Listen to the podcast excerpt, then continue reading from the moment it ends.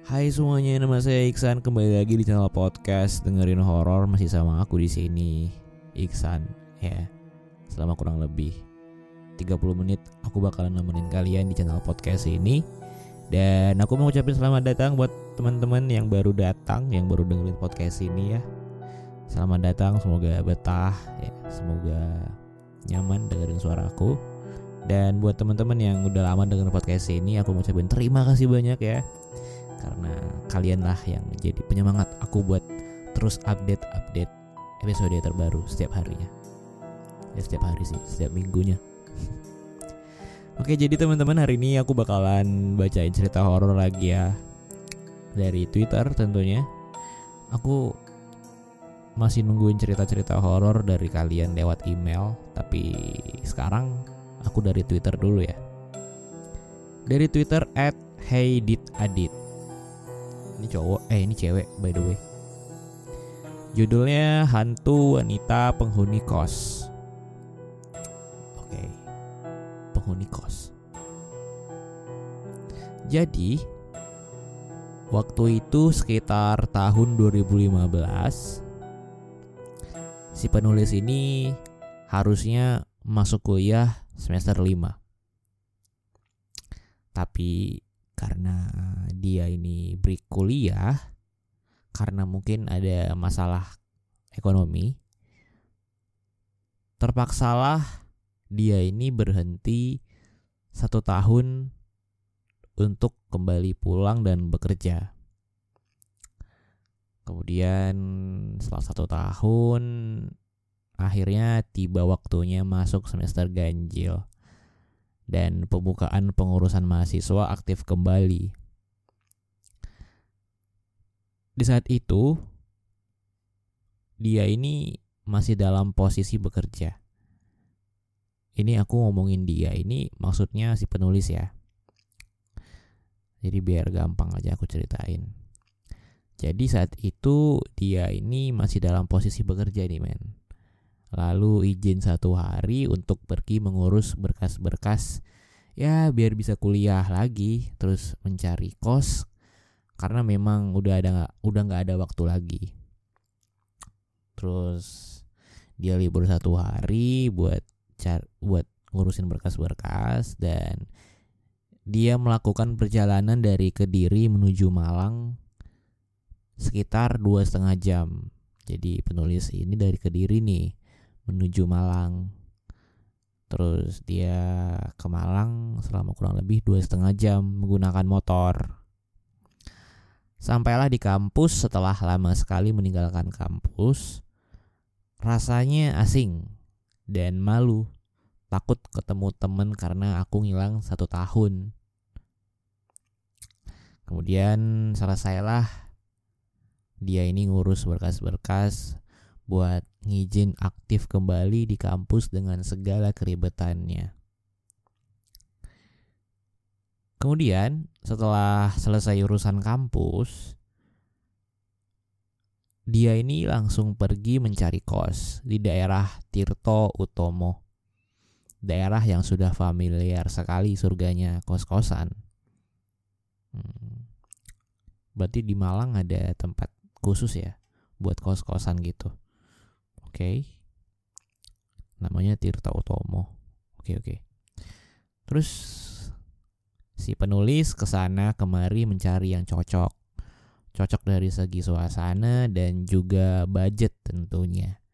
Tapi belum nemu yang cocok karena memang terkendala di budget.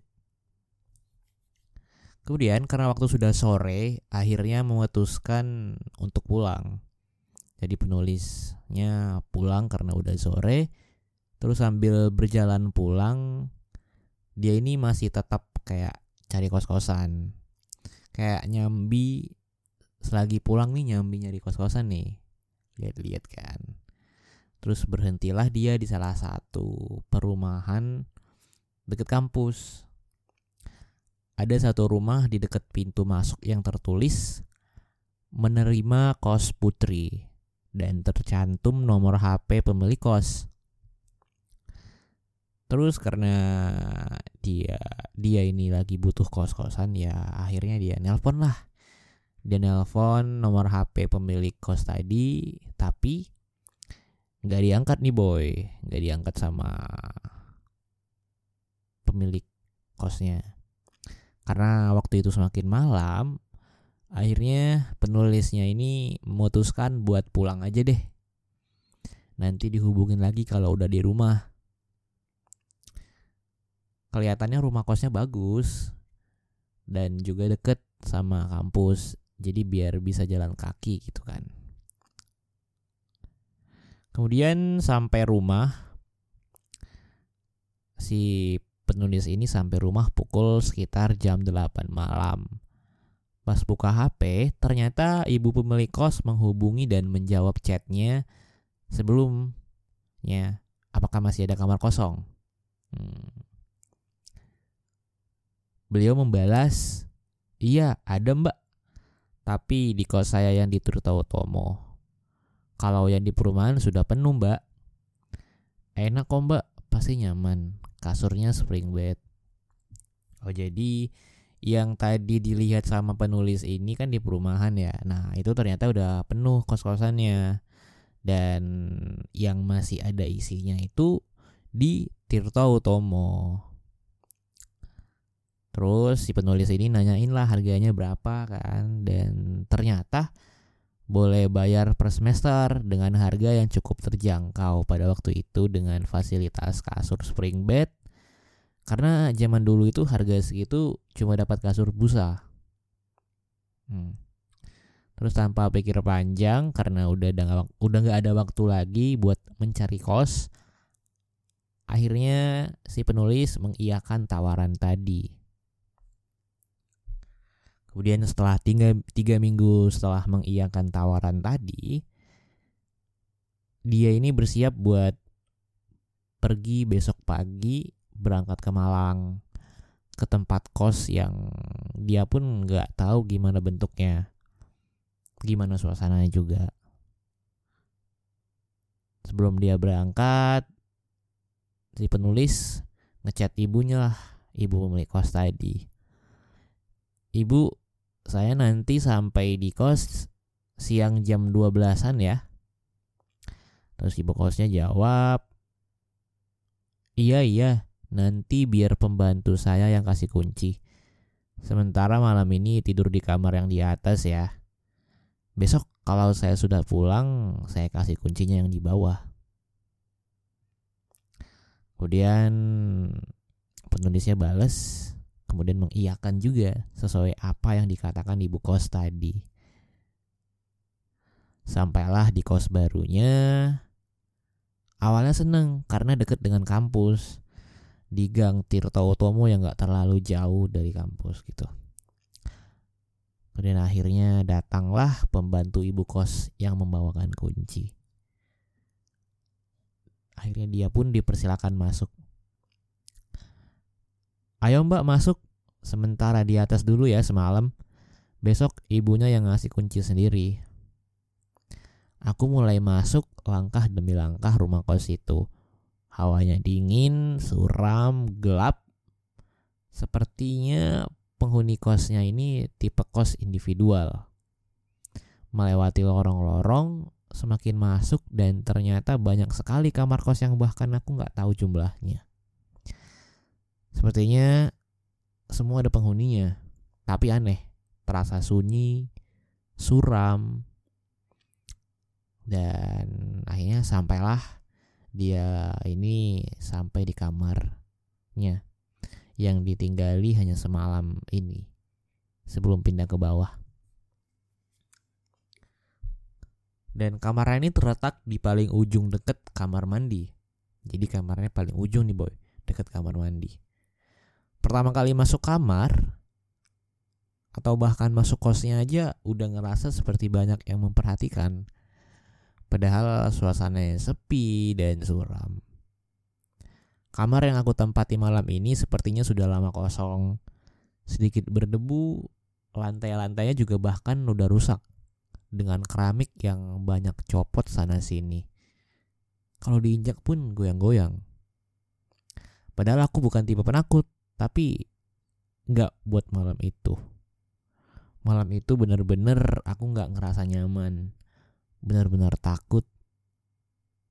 Tapi penulisnya ini mencoba buat berpositif thinking. Dia coba mikir buat ah nggak apa-apa cuma semalam di sini. Ntar pindah ke bawah kok.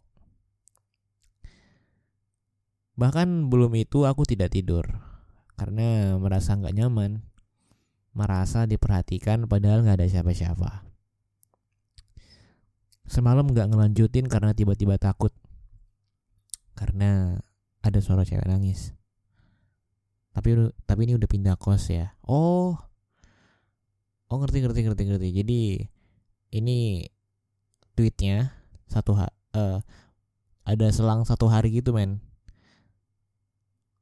Terus dia bilang gak ngelanjutin treatnya karena tiba-tiba takut kayak ada suara cewek nangis. Akhirnya dia pindah kos. Selanjutnya setelah semalaman menahan rasa takut dengan suasana yang sunyi seram gak seperti kos-kosan pada umumnya yang banyak suara anak kos. Tapi di kamar kos-kos ini hampir semua berpenghuni Akhirnya pukul 8 pagi ibu kosnya datang. Bahkan suasana pagi di sana pun terasa gelap. Akhirnya pindah juga ke bawah pikirku. Aku diantarkan ke rumah, eh ke rumah. Aku diantarkan ke kamarku. Kamarku di bawah, nomor 2 setelah pintu masuk. Sebelah kanan kamarku ada kamar juga yang penghuninya cukup ramah saat aku datang. Mbak baru ngekos di sini ya? Eh, iya mbak. Mbak semester berapa? Tanya penulis tadi.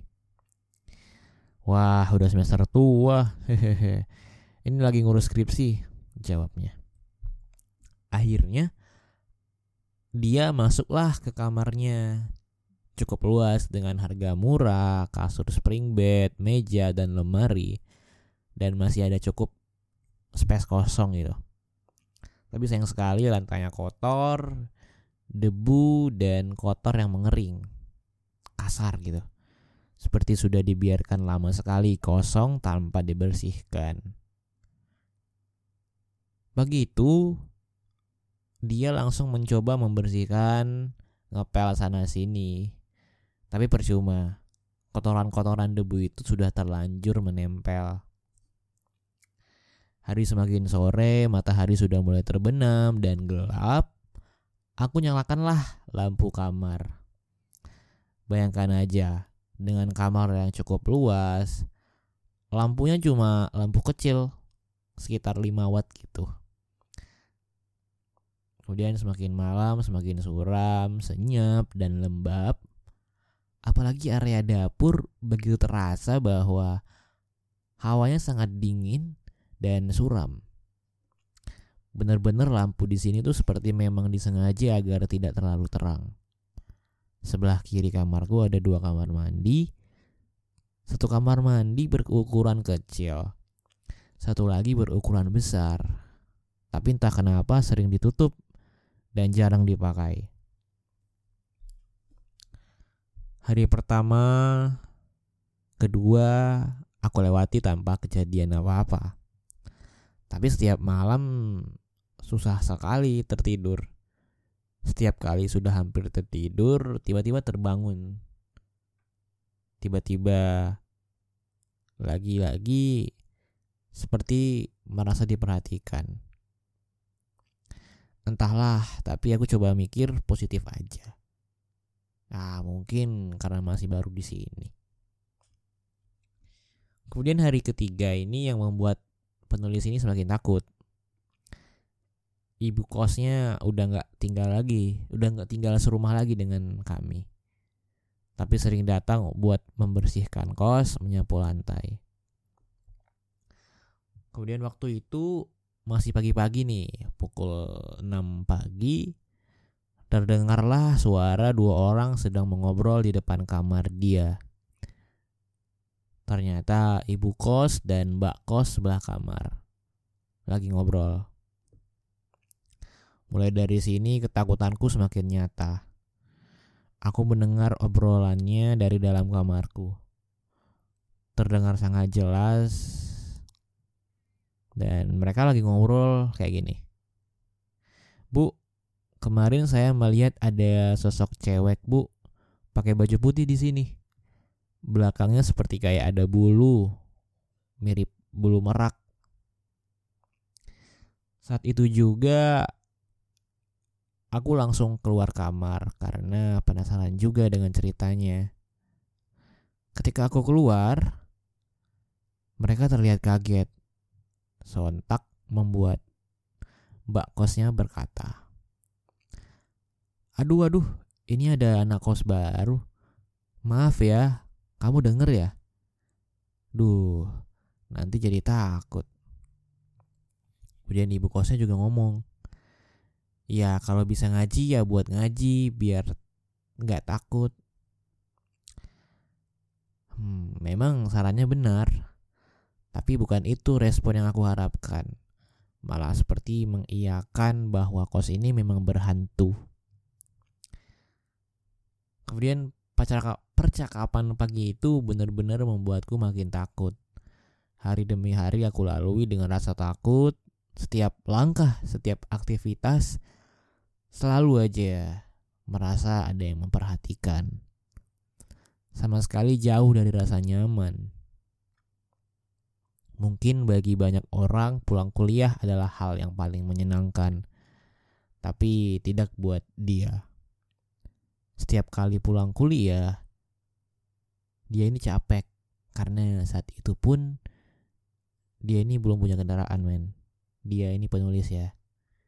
Dia belum punya kendaraan jadi dia cuma jalan kaki dari kosnya sampai kampus. Tiap pulang sampai depan kos malah yang ada hanya rasa takut. Saat pulang kuliah waktu itu perutnya sangat terasa sakit terus dia pergi ke kamar mandi. Ternyata kamar mandi yang biasa dia pakai ada orangnya. Akhirnya karena sudah tak tahan lagi, dia memutuskan masuk ke kamar mandi yang satunya, yang selama ini entah kenapa nggak pernah dipakai, padahal lebih besar. Hmm, jadi kan da, tadi dari tadi di awal kan dibilang kalau di kos-kosan ini tuh ada dua ada dua WC ya, yang satu sering dipakai, yang satu nggak dipakai. Nah, di sini penulisnya ini ya dia mau ini kan mau buang hajat terus yang di WC satu lagi itu tuh dipakai. Nah kan ada kan ada dua nih. WC satu lagi yang jarang dipakai ini terpaksa lah dipakai sama penulis ini karena memang udah kebelet mungkin ya jadi dipakai katanya kamar mandinya kotor benar-benar seperti kamar mandi yang lama sekali nggak terpakai. Dan betapa kagetnya setelah masuk, banyak cacing di dalam kamar mandi dan di ujung kamar mandi cacing-cacing bertumpuk saling bergeliat. Benar-benar aneh. Padahal tiap hari ibu kos dan pembantunya datang buat bersihin kos. Meski sekedarnya nyapu lantai. Masa sih kamar mandi kotor banyak cacingnya dibiarin gitu aja. Tiap malam bener-bener tidurku tidak nyenyak sama sekali. Tiap hampir tertidur selalu aja banyak gangguan. Selalu aja tiba-tiba terbangun. Bahkan si penulis ini selalu putar ayat kursi di HP-nya. Tapi malah semakin merasa takut setiap seminggu sekali, tiap hari Jumat sore, aku pulang naik bis ke Kediri karena Sabtu Minggu libur. Sampai orang rumah bilang, Mbok, ya pulang jangan seminggu sekali. Uangnya habis buat naik bis. Kan bisa buat beli lainnya. Kurangi aja pulangnya, jangan sering-sering. Terus si penulisnya cuma diem aja belum berani cerita apa-apa karena jujur malu masa permalas masa permasalahannya gara-gara takut hantu Tiap hari Minggu sore aku balik ke Malang. Setiap bis melaju mendekati terminal, rasanya selalu deg-degan. Ingat bakal masuk kos itu lagi. Berarti kayak semenyeramkan itu ya. Hmm, karena aku udah benar-benar ngerasa nggak nyaman dengan kos yang suram. Mau siang atau malam, suasananya benar-benar sama aja kamar gede tapi lampunya 5 watt. Aku coba buat ngerubah gimana kos ini biar lebih nyaman. Waktu itu pas lagi libur kuliah, aku nyalain musik kenceng, ya biar sedikit rame pikirnya. Aku buka pis, aku buka pintu kos depan, ya biar ada cahaya yang masuk, biar nggak terlalu suram dan lembab pikirku. Kemudian belum sampai 5 menit ada suara kencang sekali. Pintu menutup dengan sendirinya. Prak. Tapi lagi-lagi penulisnya mencoba buat berpositif thinking. Ah, mungkin aja itu angin dia. Ternyata setiap kali aku coba biarin pintu depan terbuka, Kejadian seperti itu berulang kembali. Siang itu kejadian yang membuatku benar-benar semakin ketakutan akhirnya terjadi. Yang selama ini hanya sekedar perasaan takut, ini bukan lagi sekedar perasaan, ini nyata. Aku pulang, aku pulang kuliah sekitar pukul 12 siang. Tahu sendiri di jam-jam panas yang sangat terik, jalan kaki dari kampus yang naik turun benar-benar capek. Sampai kos bahkan belum sempat berganti pakaian, aku pun langsung merubahkan badan. Dan ketika sudah mulai terlelap antara sadar dan gak sadar, aku melihat sosok wanita dengan rambut panjang dan gaun putih panjang masuk ke kamarku menembus pintu kamar yang tertutup. Terlihat tubuhnya tembus pandang, jelas sekali terlihat. Dia mulai melangkah maju, semakin mendekat, semakin mendekat, dan dia duduk tepat di kakiku sambil menatapku dan tersenyum. Dengan rambut panjang lurusnya, dia menatapku dengan tersenyum. Rasanya badanku kaku, sudah tidak bisa bergerak lagi. Aku coba memejamkan mata, berharap ketika membuka mata, dia sudah pergi.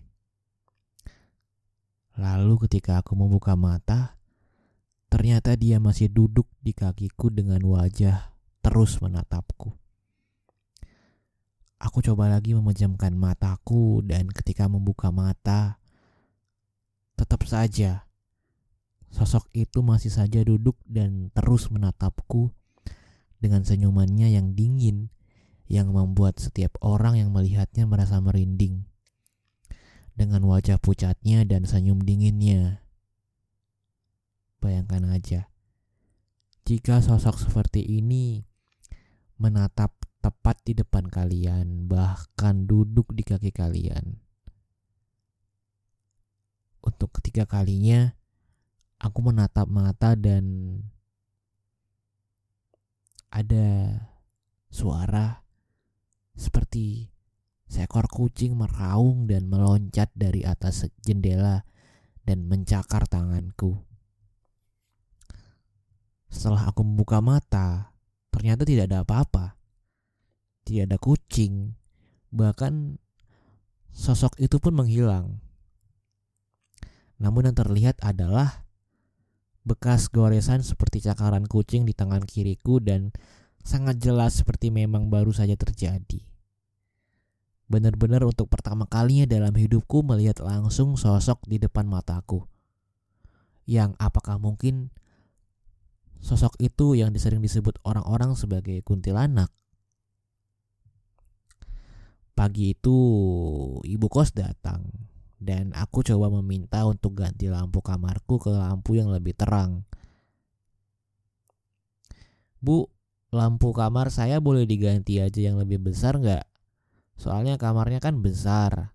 Lampu segini tuh kurang. Ibu kos menjawab dan dengan jawaban yang benar-benar mengecewakan. Ya nggak apa-apa segitu aja biar irit listriknya. Aku pun hanya diam, tidak berani membantah karena takut membuat tersinggung. Akhirnya karena aku udah gak tahan lagi dengan suasana kos yang seram, kamar yang biasanya jadi tempat istirahat malah sama sekali jauh dari rasa nyaman. Aku memutuskan kembali membeli sendiri lampu dengan ukuran yang lebih besar. Harapannya kamar jadi lebih terang dan sedikit lebih nyaman. Lalu aku coba meminta bantu buat masang lampu tadi ke mbak-mbak kos setelah eh sama mbak-mbak kos sebelah kamarku. Mbak, mbak, boleh minta tolong gak buat pasangin lampu? Oh iya dek, aku juga baru ganti lampu. Ibunya tuh masa kamar gede lampu 5 watt? Kan kita bayar, bayar listrik juga. Setelah kami selesai ganti lampu kamar, dia bertanya, Gimana dek, betah nggak di sini? Jujur agak kurang nyaman sih mbak. Dan mbak kos itu tiba-tiba bertanya, Udah lihat cewek penghuni sini ya? Sontak, dia pun kaget. Lah, mbak, maksudnya gimana? Iya, aku tahu kok. Aku sering lihat juga di depan sini sering lewat, kadang di dapur. Terus penulisnya kayak kaget kan. Udah gila. Dia ngomong begitu dengan santainya, sedangkan aku, aku semakin takut. Semakin takut lagi ditambahnya. Kamarku sekarang lebih terang, tapi benar-benar gak bisa merubah suasananya. Entah kenapa masih saja terasa suram sekali. Pagi itu suara cukup berisik dan rame di kos. Ternyata ada ibu kos dan beberapa tukang yang sedang benerin saluran air yang mampet. Kata Pak Tukang, ini yang bikin mampet banyak gumpalan rambut bu. Iya, rambutnya anak-anak itu paling rontok, numpuk, kata ibu kos. Dua hari kemudian lagi-lagi suara berisik ibu kos dan pak tukang datang lagi. Dan dengan masalah yang sama, saluran air yang mampet. Lah ini loh bu, ada gumpalan rambut lagi. Padahal ya baru dua hari lalu dibersihkan loh. Ibu kos terlihat kesal dengan menjawab, Duh, kos ini yang ngabis-ngabisin duit. Ada aja yang rusak ada aja pengeluaran pengeluaran terus Kemudian hari-hari terus berjalan dengan penuh ketakutan. Setiap malam selalu aku putar ayat kursi dan ayat-ayat Al-Quran di handphoneku. Aku biarkan sampai aku tertidur, meskipun selalu saja setiap hampir selalu terbangun dengan rasa kaget padahal tidak ada apa-apa. Sudah dipastikan setiap hari Jumat aku pulang ke Kediri. Ya meskipun selalu diingatkan untuk tidak terlalu sering pulang karena ngabis-ngabisin uang buat ongkos bis. Tapi minggu itu aku tidak pulang karena ibuku mengunjungiku dan menginap untuk beberapa hari. Oh, ibunya datang nih, nginap di kosnya tadi. Siang itu ibunya datang dan dia menjemputnya di terminal jalan kaki. Tepat sore setelah azan zuhur kami sampai di kos. Kalimat pertama yang terucap dari ibuku adalah Kosmu kok gelap suram gini? Nyalain lampunya. Lalu aku menyalakan lampu dan ibuku menyaut ya tetap gelap ya. Dan besoknya pagi itu pukul 8 aku berangkat kuliah. Terpaksa aku meninggalkan ibuku sendiri di kos. Bu, aku berangkat ya. Nanti aku pulang siang. Kalau mau beli apa-apa di depan itu loh jalan aja. Banyak toko. Ya hati-hati, gampang. Nanti ibu kalau butuh apa-apa tak cari sendiri.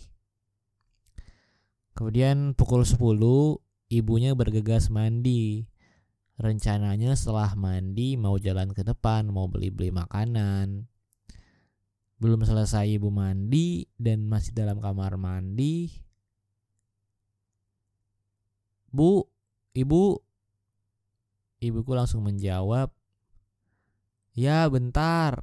Kok udah pulang? Katanya pulang siang." Kemudian pukul 12 siang aku pulang. Panas terik dengan jalan kampus yang naik turun capek sekali. Biasa orang nyebutnya Universitas Munggah Mudun atau dalam bahasa Indonesia Universitas naik turun. Pasti pada tahu kan yang kuliah di Malang. Sampai di kos, aku langsung masuk kamar dengan muka lelah. Ibuku duduk di tempat tidur dan aku langsung merebahkan badanku. Tadi tak kira kamu udah pulang. Pas ibu mandi ada yang manggil. Bu, ibu. Yo, persis suaramu. Tapi pas keluar gak ada siapa-siapa. Sontak, aku kaget mendengarnya. Padahal sama sekali aku gak pernah menceritakan apa pun soal kos ini. Paling suara anak-anak kos depan. Aku menjawab sekedarnya saja dan tidak mau membahas dan memikirkannya lebih jauh. Beberapa hari tidurku cukup tenang.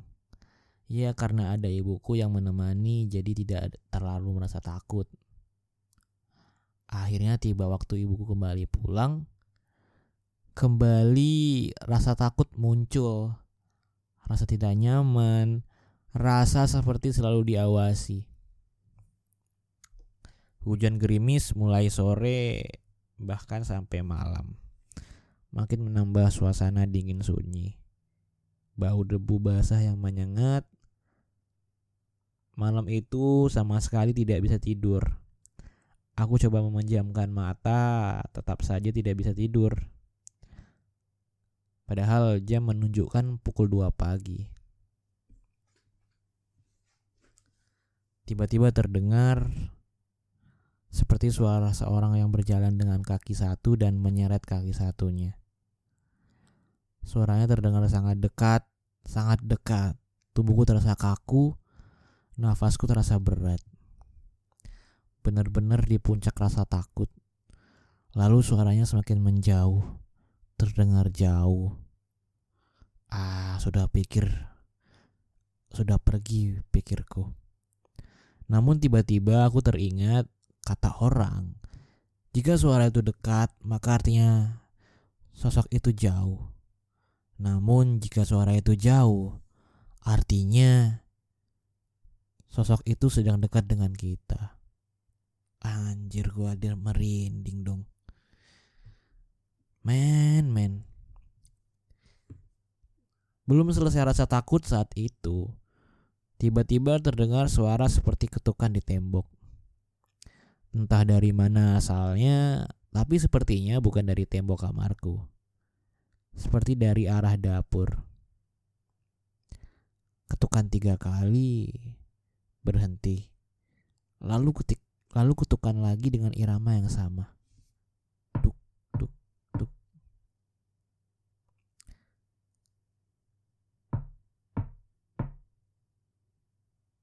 Aku hanya bisa menahan rasa takut dan membaca doa apa pun. Doa yang aku bisa terus aku ucapkan. Suara itu perlahan menghilang. Azan subuh terdengar saat itu aku merasa lebih tenang dan lega. Suasana pagi yang tetap terlihat gelap di kos yang entah kenapa suasananya seperti ini. Kamar mandi yang dipenuhi cacing, lampu-lampu yang dibiarkan temaram, anak-anak kos yang individual sekali, jarang berkomunikasi, sosok-sosok dan suara-suara aneh yang muncul. Dan kemudian dia dia memutuskan buat gak akan melanjutkan kosnya di sini. nanti setelah habis masa kosnya selama satu semester aku akan pindah dari sini. Hari mulai siang dan hujan deras, rintik suara dari atap terdengar kencang sekali. Belum sempat aku keluar membeli makan. Untung aja masih ada persediaan Indomie kuah soto. Aku bergegas menuju dapur untuk memasak mie. Asal kalian tahu, tempat yang paling membuat tak membuatku takut adalah dapur. Karena gelap, tanpa ada sumber cahaya, terasa lembab. Rasanya ingin cepat-cepat selesai urusan di dapur dan segera pergi. Akhirnya selesailah Indomie kuah soto dengan aroma soto yang khas. Aku mengangkat mangkok miku dan membalikkan badan. Betapa terkejutnya sosok wanita berdiri di pojokan dapur dengan baju putih menutupi kakinya. Rambut panjang yang, dibiar, yang dibiarkan tergerai Wajah yang pucat menatapku, menatapku dan mulai tersenyum. Tersenyum semakin lebar dan tertawa cekikikan seperti merasa sangat puas. Beberapa detik kemudian, dia terdiam. Lalu seketika aku langsung lari menuju kamarku dengan mangkok isi kuah yang masih panas, tumpah-tumpah terkena tanganku. Hari itu juga aku memutuskan untuk keluar dari kos dan menginap di kos temanku. Dua hari kemudian, aku kembali ke kosku untuk mengambil barang-barangku dan pergi tanpa memberitahu ibu kosku. Biasanya saat siang, ibu kosku tidak pernah datang ke kos. Namun saat aku akan pergi membawa keluar barang-barangku, ibu kosku datang. Loh, mau pindah? Kok nggak bilang-bilang dulu?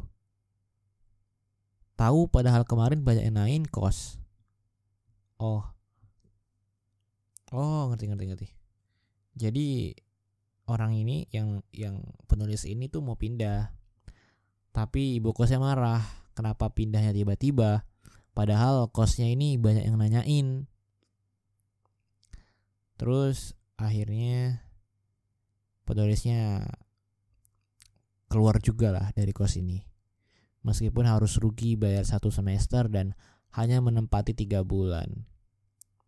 Akhirnya aku pindah ke kosku yang baru.